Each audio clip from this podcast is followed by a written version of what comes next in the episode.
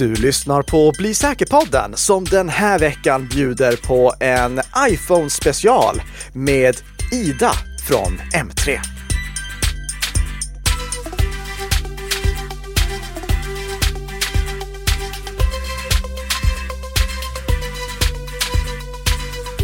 God morgon, god morgon Ida och kul att ha dig här. Eh, framförallt kul att det blev en podd tack vare dig den här veckan. För våra lyssnare, de minns kanske förra veckan att jag sa att det inte skulle bli ett avsnitt den här veckan.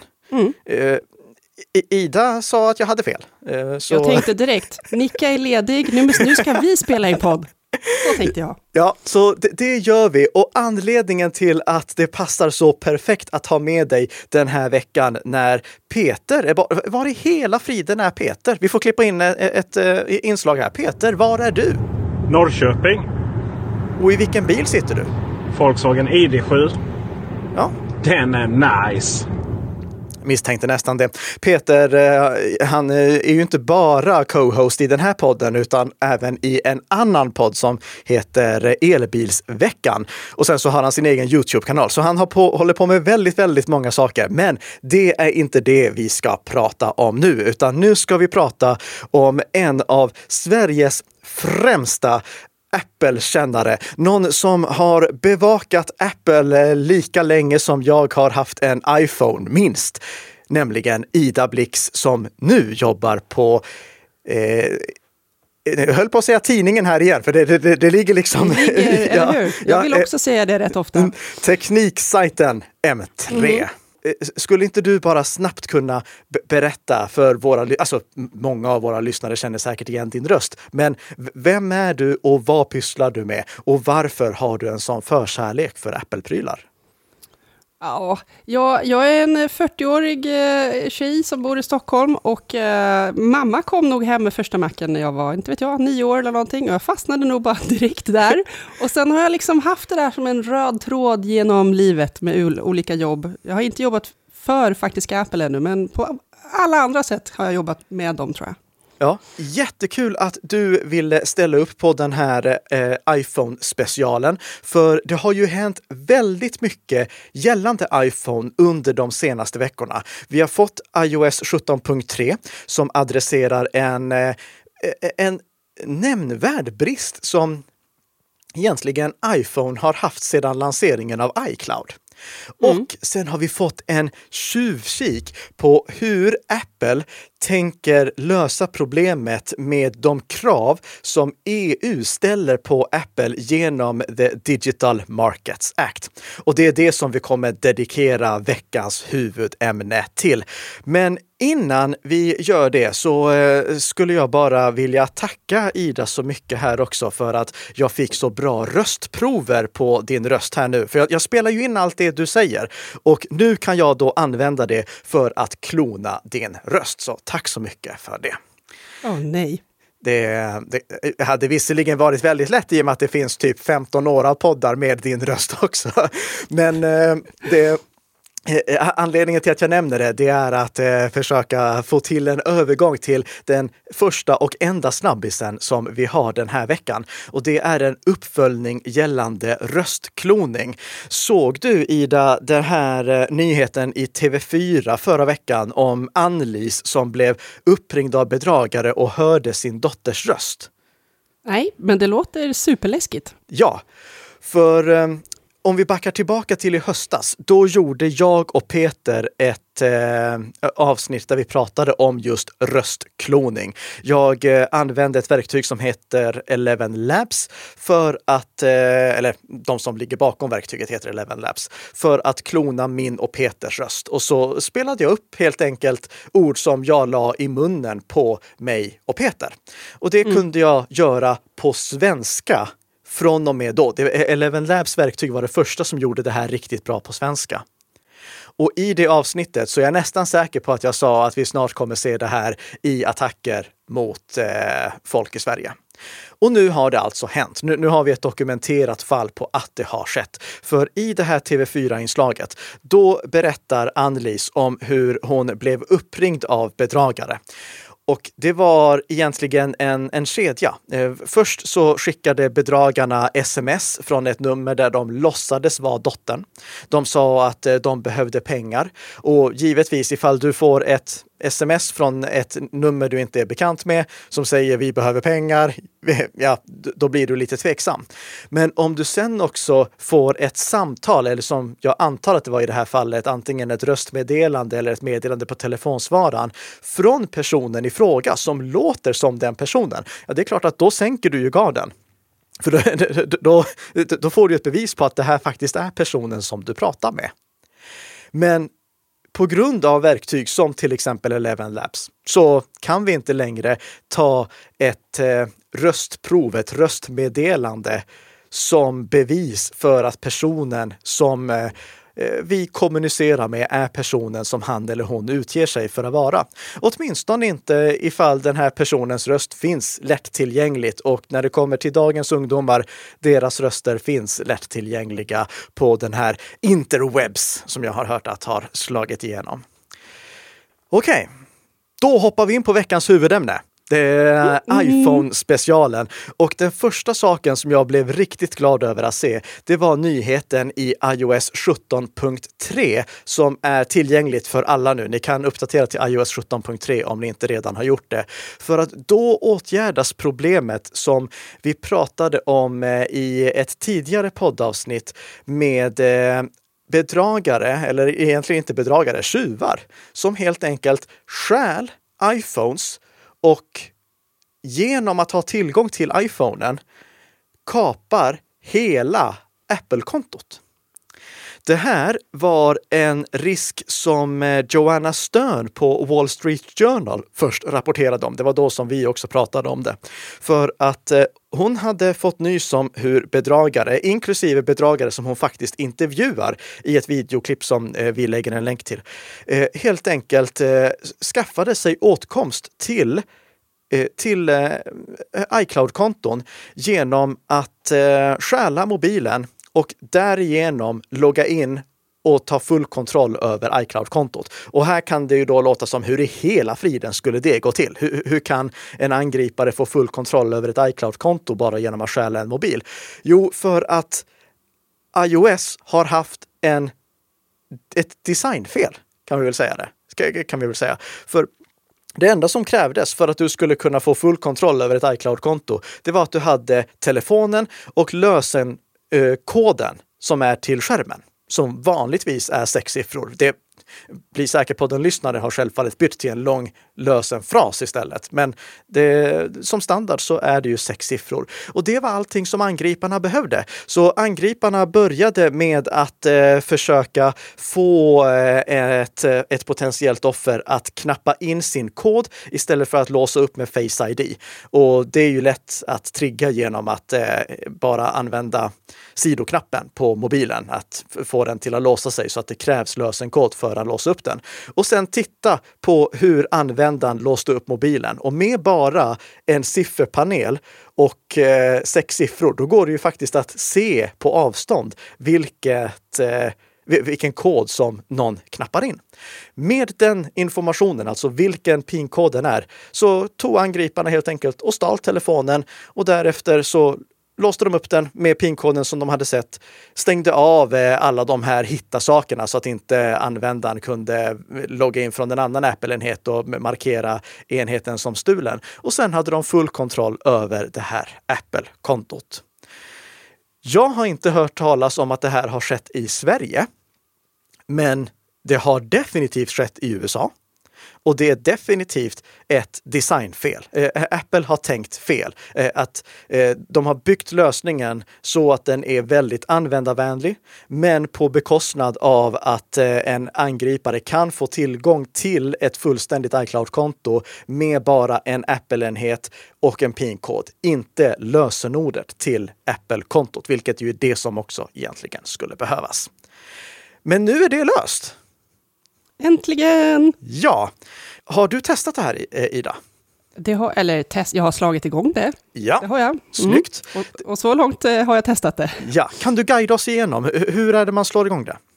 Eh, man behövde logga in i, i, i, telefonen om den nu är låst. Och sen har du i inställningar en sektion för Face ID och lösenkod, tror jag det heter. Mm. Och så scrollar man lite grann så står det så här att eh, om du vill aktivera vad kallade de det för nu eh, Skydd för stulen enhet, va? Precis. Eh, så kan man slå på det och då så fanns det lite text att läsa om, om vad det här är tänkt att göra. Mm. Eh, och i korthet så var det väl så att eh, om jag är på en plats som eh, min telefon tycker är eh, en plats där jag borde vara trygg och säker, typ hemma eller kontoret, så behöver jag inte använda massa extra lösenordsskydd eh, för att ändra mina inställningar för iCloud och sånt. Men är jag, inte vet jag, på random restaurang jag aldrig har varit förut, så kan man inte bara sno min telefon ur handväskan och eh, göra precis det där du berättade om. Mm. Tyvärr är ju den här funktionen avstängd som standard. Så det här är någonting som ni lyssnare måste göra själva. Det krävs en aktiv handling. Ni måste uppdatera till iOS 17.3 och sen måste ni gå in i inställningarna så som det står i show notes och aktivera den här funktionen. För då får ni skyddet som Ida berättar om. Ja, men om man eh, tänker sig att eh, din telefon har ju bestämt eh, vilka, eller den vet vilka platser du vanligen är på. Så att genom att lägga på ett skydd, eh, ett säkerhetslager, när du inte är på he hemma, eller på jobbet, eller i skolan, eller vad det nu eh, brukar vara, så kommer den att eh, kräva att du använder Face ID eller Touch ID för att använda lösenorden, eller nycklar som du har sparat i din nyckelring, eller använda betalningsmetoder som du säkert har sparat i till exempel Safari. Eh, du, du kan inte stänga av eh, det här förlorat läget som finns och aktivera. Och det går inte att radera hela enheten och allt du har i den. Precis, det, du, du, måste då, du, du, måste då ha Face ID eller Touch ID för att göra det. Det går inte att göra med den här eh, PIN-koden som någon kan titta över axeln och se vilken du har valt.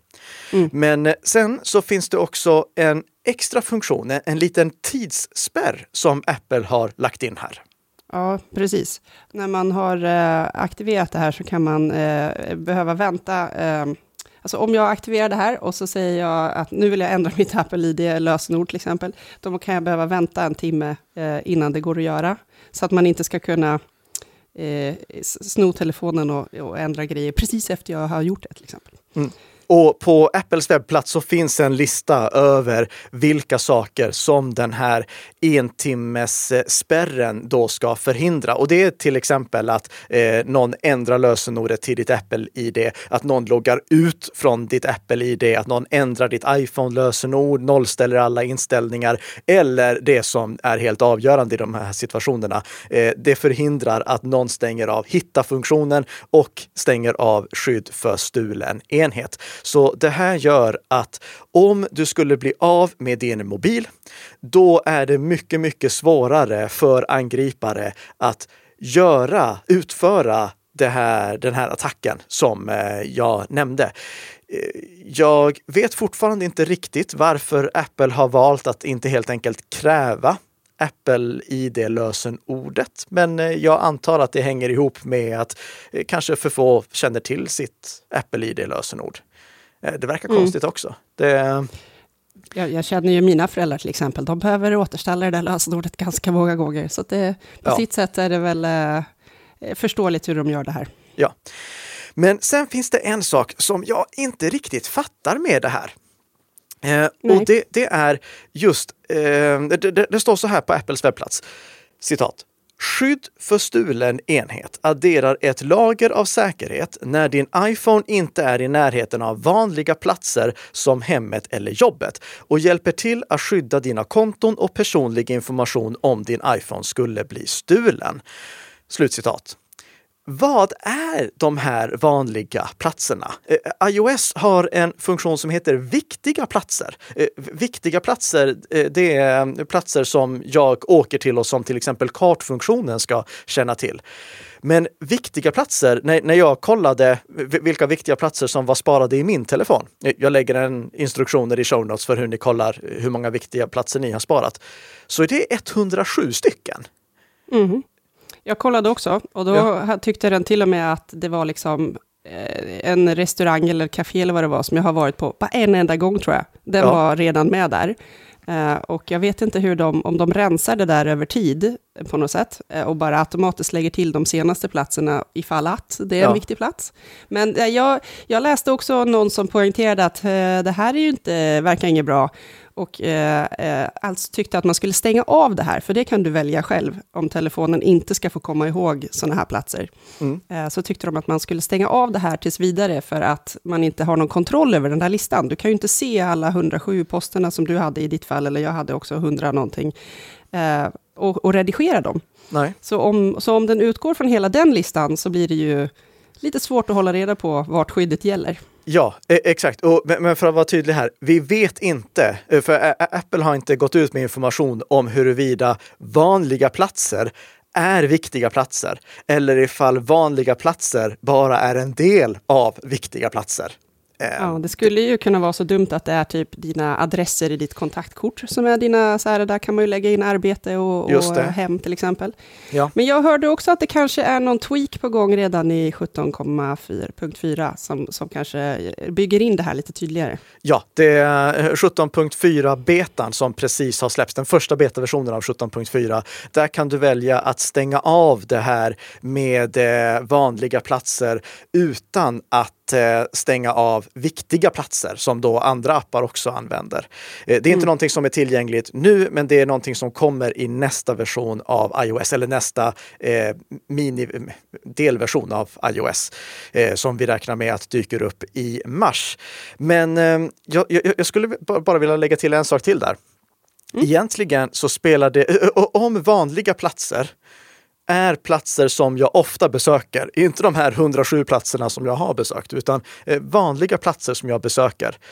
Om det infatt, innefattar liksom eh, restaurang Malmö som är lunchstället som eh, jag och Peter brukar gå och äta på efter vi har spelat in här. Det gör ju att problemet finns där.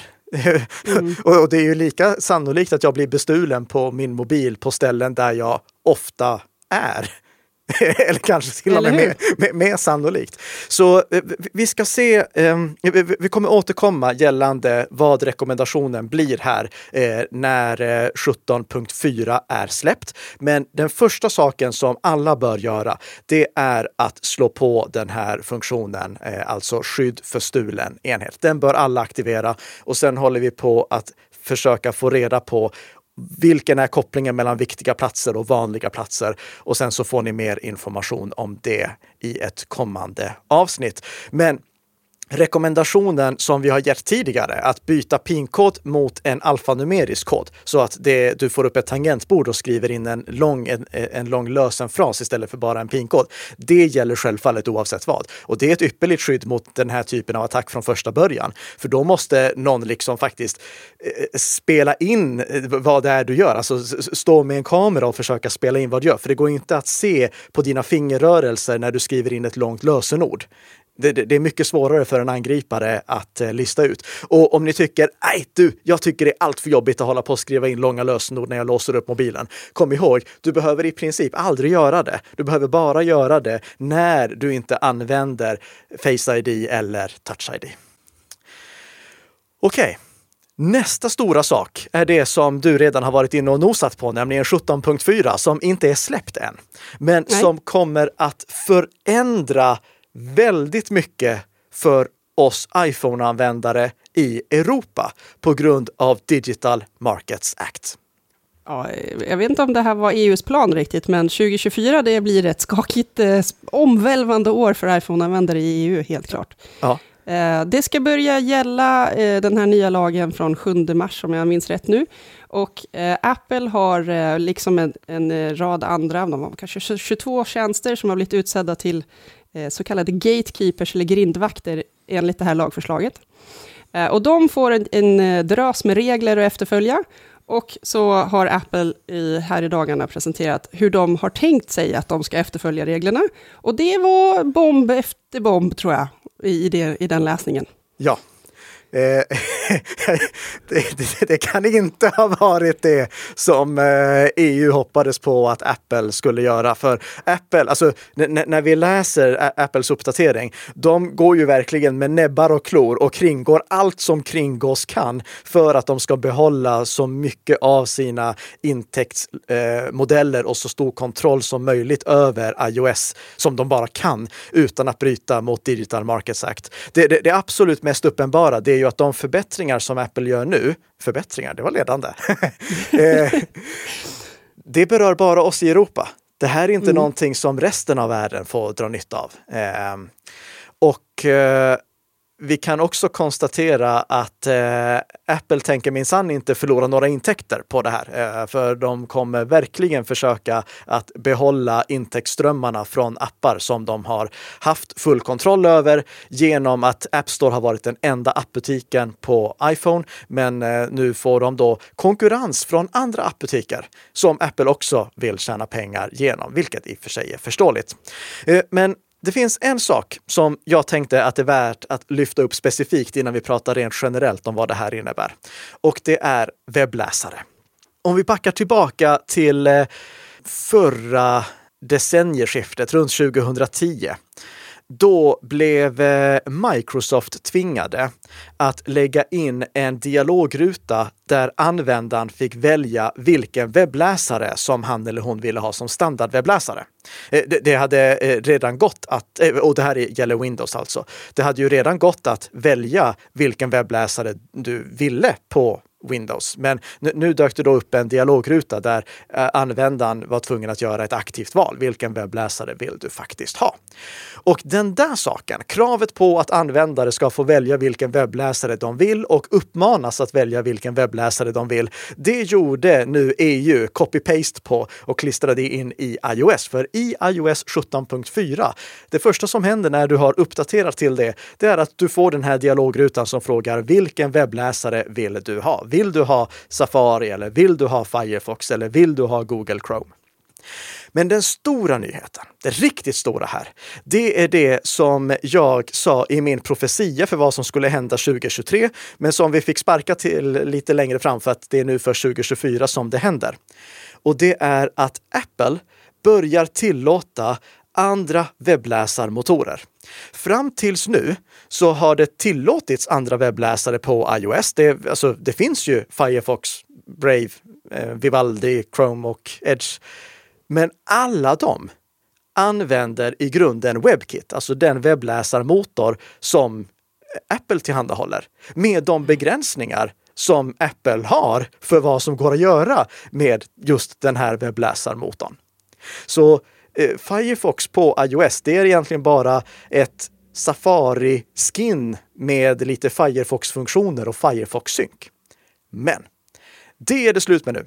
Nu tillåter Apple att Mozilla tar sin Gecko-webbläsarmotor och bygger en riktig Firefox-version till iOS. Och de låter Google ta sin Blink-webbläsarmotor och bygga en riktig Chrome-webbläsare till iOS. Så nu blir det riktig konkurrens här. Jag tror ju att Apple har försökt att undvika det här. För om webbläsarna får göra vad de vill, då blir de faktiskt en riktigt allvarlig konkurrent till App Store. Alltså om, webb, om webbappar blir så bra att användare väljer dem framför att gå via App Store. Eller nej, det är nog snarare så att vissa apputvecklare väljer att inte distribuera sina appar via eh, App Store utan istället bara eh, som webbappar. Då förlorar Apple intäktsmöjligheter. Och, och, det här är lite komiskt, för ja, du, du, du, minns ju Ida, när iPhone lanserades, det fanns ju ingen App Store, utan tanken var ju att det skulle vara webbappar. Mm. Men, men det förändrades sen. Men hur som helst, eh, Firefox, de arbetar redan på en iOS-version eh, av riktiga Firefox. Alltså Mozilla, de jobbar på en riktig Firefox-version för iOS.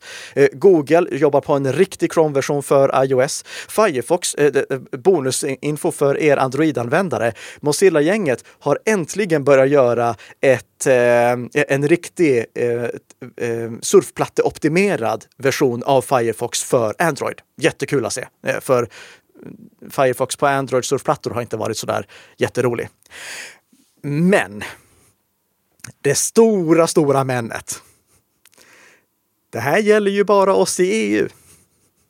Mm. Och med Apples jättebrasklapp att gör du det här då kommer du få skitdålig batteritid och utsättas för mängder av säkerhetsproblem. Ja, vilket, låt, lite. vilket låter lite som vi pratade om i HP i förra avsnittet.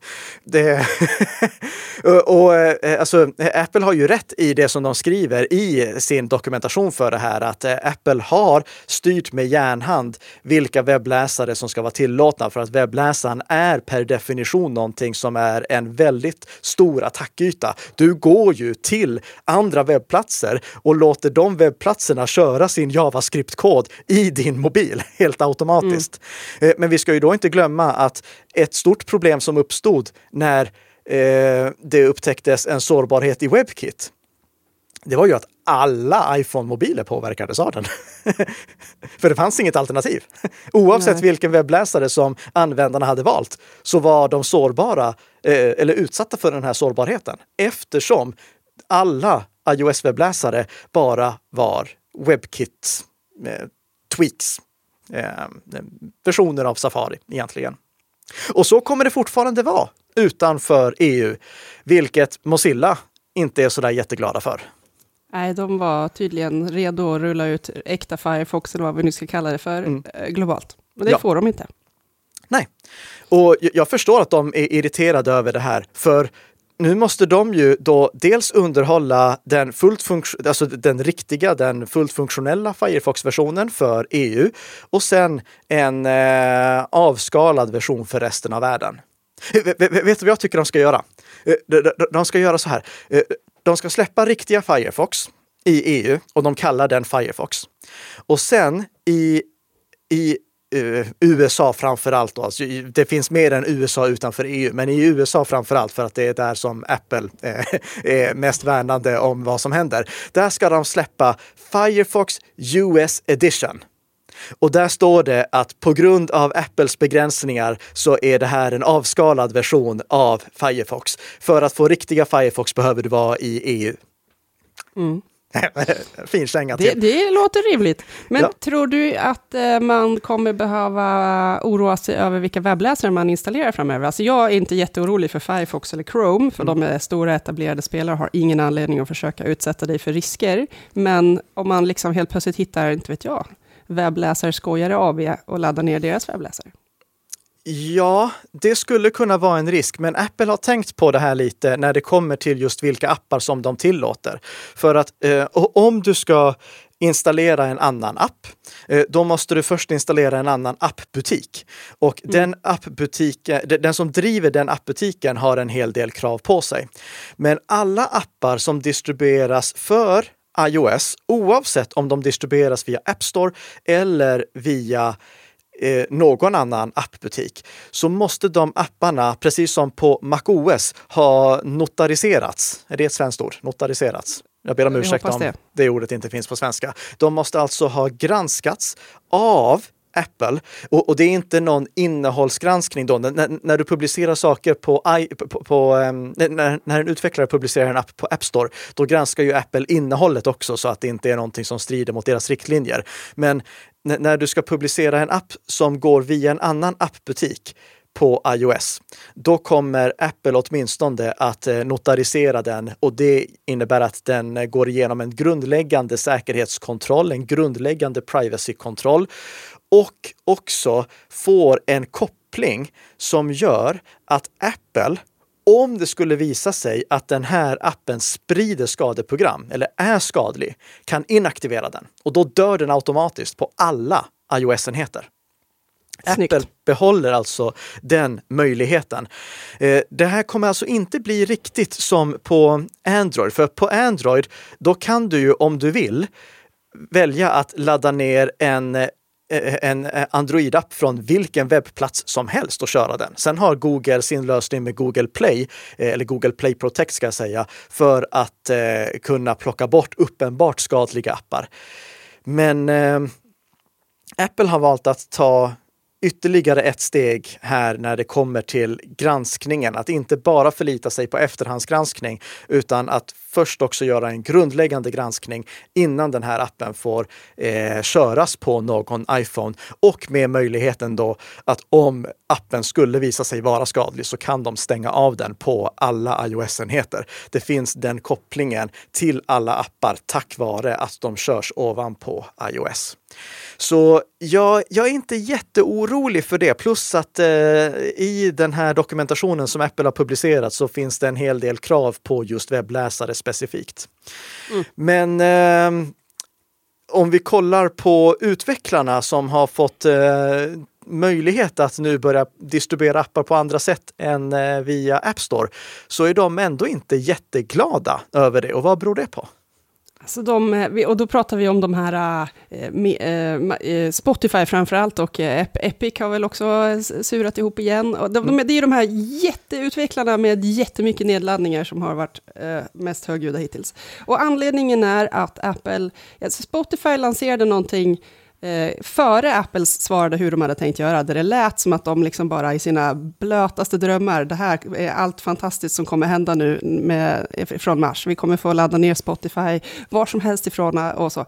Ingen trodde nog att Apple skulle släppa det här hejvilt. Eh, och det gjorde de inte heller, utan de kräver ju som du var inne på en, en appbutik som eh, är liksom motsvarande deras egen, som, som eh, man måste ta fram först och det finns ganska strikta krav på hur man kan ta fram dem.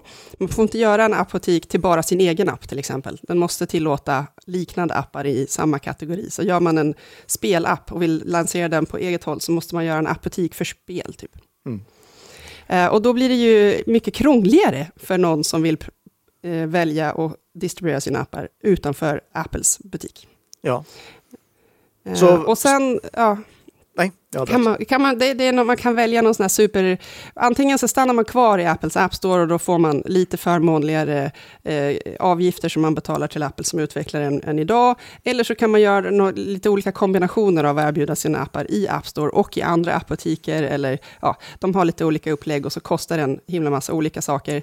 Men grundgrejen som händer om du inte bara befinner dig i Apples App Store är att du ska betala en avgift per nedladdad app som är 0, alltså 50 cent per eh, euro eh, per nedladdning, över, alltså efter en miljon nedladdningar. Uh, och då påstår Apple att det här kommer drabba 1% av alla utvecklare och de alla andra kommer betala ungefär som idag, eller mindre till och med.